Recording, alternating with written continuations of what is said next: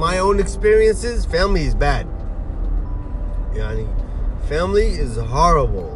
And if you, and I know some women or some guys or some some people out there, you know, have problems with family, with their mother, with their father, with their brothers. Me, my personal thing was with my my problem was with my mother and my father. That was my biggest problem with family. It wasn't like the brothers or the sisters or whatever.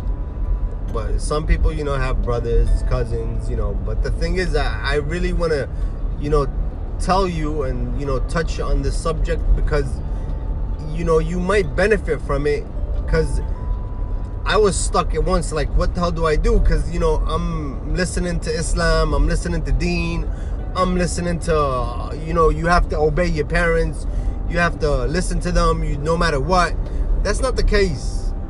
Because yani, if they're if you have family that are emotionally or physically, and I I know this, you know, and I heard this from a lot of people. If they're emotionally and physically abusing you, and they're stressing you out, you have to separate from them. You have. To, I'm yani, I'm not saying look, you know, don't listen to what Allah says or you know what your religion says, but the thing is you there's a breaking point where you have to put your foot down and, and say, look, this is it.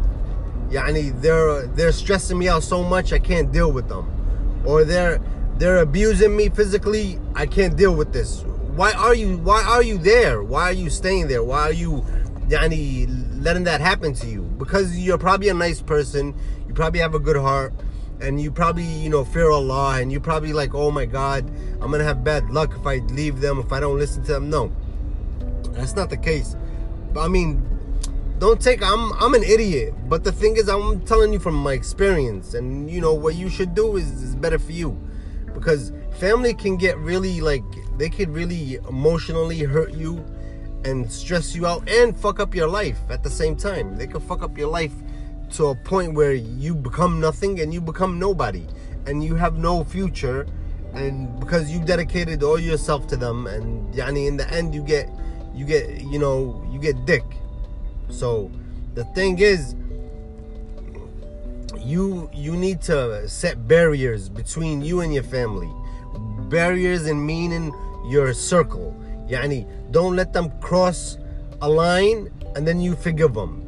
So if you if they cross your line and you forgive them, okay, they'll uh, I'll give them one more chance. I'll give them another chance. I'll give them. You're never gonna. It's never gonna stop. They'll keep crossing that line and you you have to put a stop to them because they're also a human being you know they're just like uh, like you or so and if you have like a parent or a mother or a father which i have they're emotionally like stressing you the fuck out Yeah, yani you have to deal with them from a distance. That's the best way and that's i think the, the best way I, I found out a solution through you know listening to islamic lectures and how to deal with this nonsense. So the thing is deal with them from a distance. Yeah and if you want to respect them respect them from a distance. Give them money uh, send somebody else to give them money instead of you because you know you're at a point where they're stressing you out. You don't even want to see them or talk to them. So that's the best thing to do for you you know what i mean if you want to uh, yani don't let them get in your way of your goals of your ambition of your dreams because they'll do that to you and they'll put you down and they'll put you back yani you know I know this from experience. So what I'm saying is like respect them from a distance, take care of them from the distance, no matter what they do to you. You know, if it's your mother and father, if it's your brothers or sisters, brothers and sisters, you can just tell them fuck that. You just, uh, you know, ditch them, leave them the fuck alone. They leave you alone, but never, you know, forgive everybody. Always forgive. You know, so you know, deal with them also from a distance.